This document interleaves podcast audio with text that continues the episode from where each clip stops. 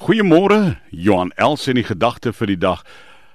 As jy nie 'n diepe oortuiging het van dit wat jy sê nie.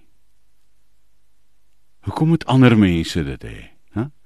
As jy nie 'n diep oortuiging het van dit wat jy vandag gaan sê vir mense, hoekom moet ander mense oortuig word deur wat jy sê?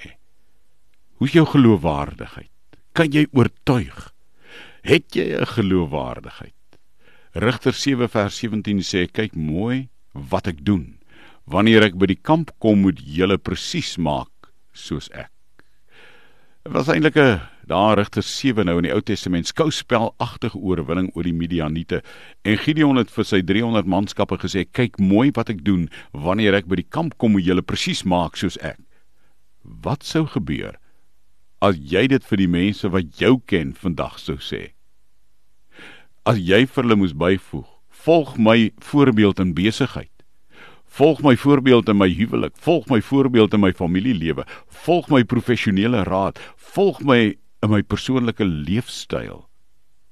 Kan jy respek verdien sodat ander mense jou volg? Het jy geloofwaardigheid?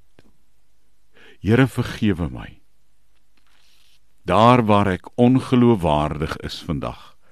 Maak vir my 'n voorbeeld van u genadige goedheid dat dit wat ek sê ek met diep oortuiging kan sê en mense wat dit hoor my geloofwaardigheid kan glo vandag